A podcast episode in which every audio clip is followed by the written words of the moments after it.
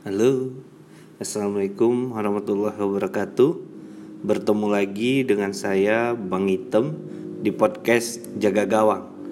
Pada episode keempat ini saya akan membahas tentang Pro Futsal League eh, 2021 Yang baru saja menyelesaikan pekan pertamanya di hari Minggu kemarin.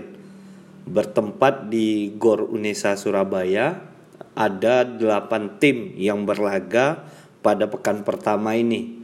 Jadi uh, dari 12 tim pekan pertama ini uh, yang bertanding atau yang bermain hanya 8 tim yaitu ada Halus FC Jakarta, Pendekar United, Bintang Timur Surabaya, Kancil BBK Pontianak, Safin Futsal Club Pati, Pelindo 2 Jakarta, Famos Mataram, dan DB Asia Jabar. Kemudian uh, ada empat tim uh, yang belum bermain yaitu ada Black Steel, Sadakata FC, Cosmo JNE dan Giga FC uh, Lampung.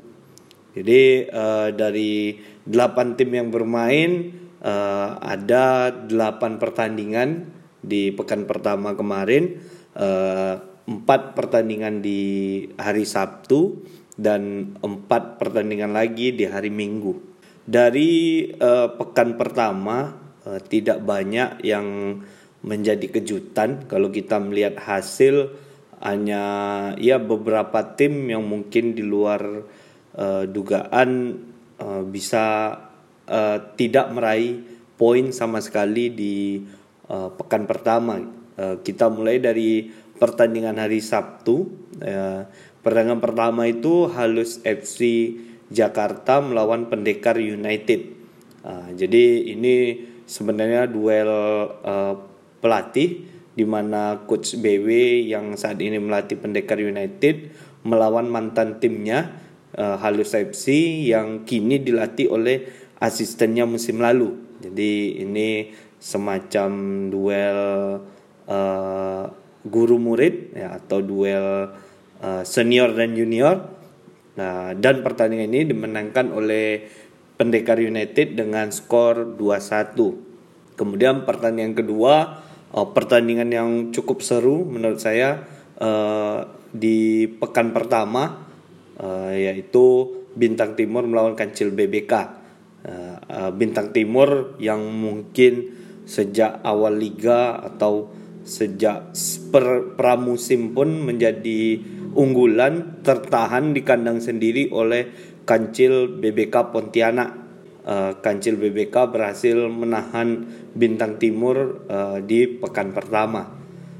Kemudian pertandingan ketiga, pertandingan yang cukup uh, mengejutkan dari sisi skor, uh, yaitu di mana Safin Futsal Club kalah 1-6 oleh Pelindo 2 Jakarta.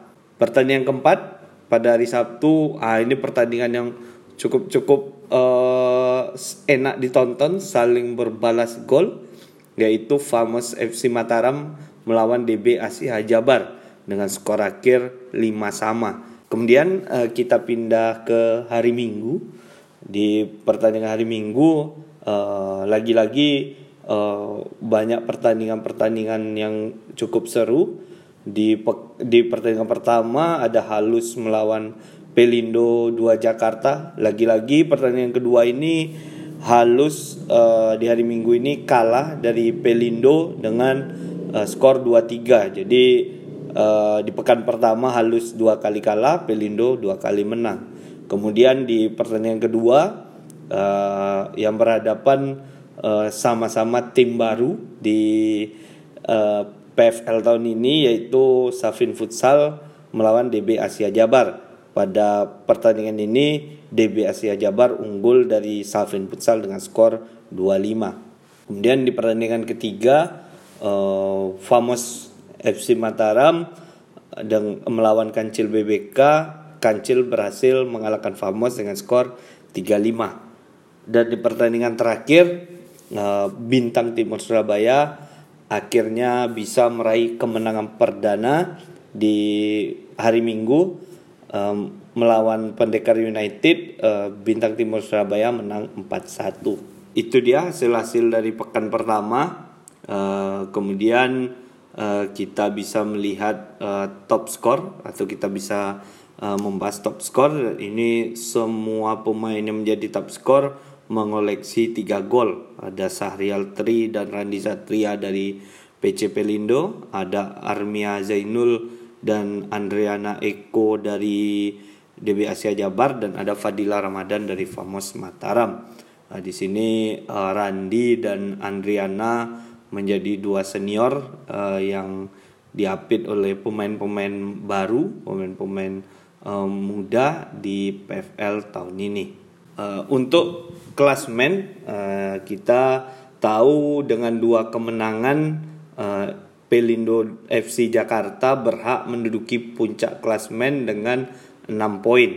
Jadi uh, dengan skuad dikombinasi antara pemain-pemain senior dengan pemain-pemain muda uh, di pekan pertama ini Pelindo uh, Jakarta berhasil mengamankan 6 poin. Jadi uh, menurut saya tidak uh, tidak tidak mengejutkan karena uh, di sana masih ada pemain seperti uh, Jailani, seperti Randi, Eh, dan pemain-pemain senior lainnya yang mampu membimbing pemain-pemain muda dari IPC Pelindo ini uh, pada PFL tahun ini. Kemudian di peringkat dua ada DB Asia Jabar dengan 4 poin, kemudian ada Bintang Timur Surabaya dengan 4 poin, Kancil BBK Pontianak 4 poin, Pendekar United 3 poin, Famos Mataram 1 poin, uh, kemudian ada empat tim yang belum bermain uh, tentunya dengan 0 poin. Di peringkat 11 kita ada Halus yang mengalami dua kali kekalahan dan peringkat terakhir ada Safin Futsal Club yang juga mengalami dua kekalahan.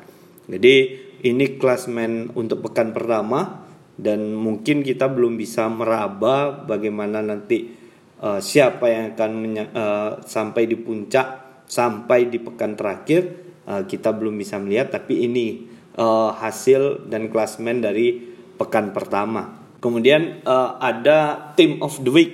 Jadi ada team of the week yang uh, saya ambil dari dua akun Instagram besar di Indonesia yang membahas tentang futsal Indonesia. Jadi ada uh, dari galeri dan bola lob. Uh, mereka uh, membuat team of the week. Uh, jadi di sini kita lihat uh, di penjaga gawang ada Nizar memang Nizar di pekan pertama sangat sangat luar biasa. Jadi uh, Nizar, Habibi uh, itu sangat luar biasa di uh, posisi kiper di pekan pertama karena uh, kita lihat uh, kancil BBK terutama saat melawan BTS Nizar bermain bermain sangat sangat baik uh, menjadi tembok yang sulit ditembus oleh pemain-pemain BTS uh, pada pekan pertama. Kemudian di posisi angkor uh, itu ada Randi Satria, mungkin seiring bertambahnya usia makin uh, seniornya Randi uh, posisi pun berubah. Jadi Randi saat ini bermain di posisi angkor. Jadi Randi menjadi angkor terbaik pada pekan pertama. Kemudian di posisi flank ada Sahrial dan Armia dari Sahrial dari Pelindo dan Armia dari DB Asia Jabar. Uh, dua pemain yang memang menonjol. Sahrial udah dari beberapa musim uh, menonjol di Pelindo dan Armia ini uh, sangat menonjol di PON kemarin. Jadi uh, ini dua flank terbaik di pekan pertama ditemani oleh satu pivot dari Brazil punya bintang timur Surabaya yaitu Eduardo atau Dil uh, pemain asal Brazil. Jadi itu lima pemain dan saya rasa memang lima pemain ini uh, sangat bermain bagus di pekan pertama gitu. Jadi ini pemain terbaik di pekan pertama dan mungkin masih ada lagi pemain seperti Runtu Boy, di kiper ya Habibi, atau ada Fadila di Pamos, ada Sauki juga cukup bagus kemarin ber, bermain. Dan banyak pemain-pemain yang juga sangat menonjol tapi ya lima ini dan saya sepakat dengan lima pemain ini yang bermain sangat baik di pekan pertama. Kemudian uh, player of the week lagi-lagi saya ambil dari uh, Instagram atau dari Bola Lab dan Galeri Futsal uh, yaitu ada Randi Satria. Uh, saya juga sepakat uh, karena Randi uh, menjadi figur yang sangat uh, menentukan di Pelindo sehingga Pelindo meraih 6 poin pada dua pertandingan dan Randi mencetak 3 gol. Jadi uh, kita lihat uh, Randi uh, semakin tua semakin jadi ya uh, main juga uh, makin baik uh, memimpin tim dengan sangat baik. Jadi uh, wajar Randi di pekan pertama meraih player of the week. Kemudian uh, untuk uh, pembahasan selanjutnya mungkin saya akan membahas tentang Safin Futsal Club. Jadi uh, kita tahu uh, Safin Futsal Club mengambil uh, klub atau mengakuisisi tim dari Kebumen yaitu SKN FC Kebumen. Kita tahu SKN uh, beberapa musim ini menjadi salah satu tim uh, yang cukup uh, kuat di PFL kemudian uh, kita tidak tahu ada masalah apa uh, sehingga SKN tidak lanjut di PFL dan digantikan oleh Safin Futsal Club. Uh, kita tahu uh, Safin Futsal dimiliki oleh uh, seseorang atau wakil bupati uh, dari kota Pati dari Kabupaten Pati. Uh, kita tahu juga uh, Safin ini mengambil uh, klub bola yaitu PSG yang sekarang jadi PSG Pati uh, sekarang berkecimpung atau muncul di futsal. Jadi sebenarnya harapannya Safin ini menjadi warna baru di uh, Liga Futsal uh, tahun ini. Jadi dari empat tim wajah baru di PFL tahun ini uh, yaitu ada Pendekar United, ada DB Asia Jabar, ada Sadakata, Subulus Salam dan ada Safin. Uh, saya melihat uh, dua tim yaitu Sadakata dan Safin ini yang memang uh, benar-benar semuanya baru dari pelatih, pemain, mereka ini baru uh, mungkin bergabung ya di Safin ini gitu. Sementara kita lihat uh, di pendekar kita tahu walaupun uh, coach BW baru tapi pemainnya masih pemain-pemain tim sebelumnya yaitu pemain-pemain yang real yang ditambah oleh beberapa pemain yang dibawa coach BW mungkin tujuannya untuk mempermudah jalannya atau mempermudah instruksi coach BW nyampai di tim gitu. Kemudian di DB Asia Jabar kita tahu uh, tim ini adalah rata-rata pemain yang memang uh, pemain Jawa Barat yang pernah bermain di PON Jawa Barat dan mungkin uh, dulu juga uh, pernah bersama-sama bermain dengan uh, di bawah asuhan coach Panca Pauzi. Jadi kita lihat pun dari empat tim baru tiga tim udah bermain kemarin kita lihat memang Pendekar United dan DB Asia Jabar uh, mampu bermain dengan sangat baik kita terlihat uh, kita melihat tim ini seperti ya bukan tim baru tapi tim-tim lama yang sudah memang lama bermain di PFL. Namun untuk Safin dan Sadakata adalah memang tim baru di PFL ini. Kita belum melihat Sadakata bagaimana bermain, namun kita sudah melihat Safin, kita melihat atau saya melihat tim ini belum punya chemistry antar pemain uh, karena uh, saya melihat di pertanding dua pertandingan awal Safin uh, masih terlihat pemain kehilangan bola dengan sangat mudah, passing game yang tidak jalan, koordinasi yang tidak ada, seperti uh, kebingungan dalam bermain. Uh, jadi kita lihat uh, nampak terlihat bagaimana uh, Safin bermain, uh, ya jauh dari ekspektasi karena kita lihat uh, saya melihat passing yang sering salah, uh, kehilangan bola dengan sangat mudah, tidak ada koordinasi dalam bermain. Uh, menurut saya ini uh, yang menjadi masalah bagi Safin di uh, pekan pertama kemarin gitu. Uh, terus juga uh, di sini uh, coach Donjol juga sudah lama tidak uh, turun di Pro Futsal.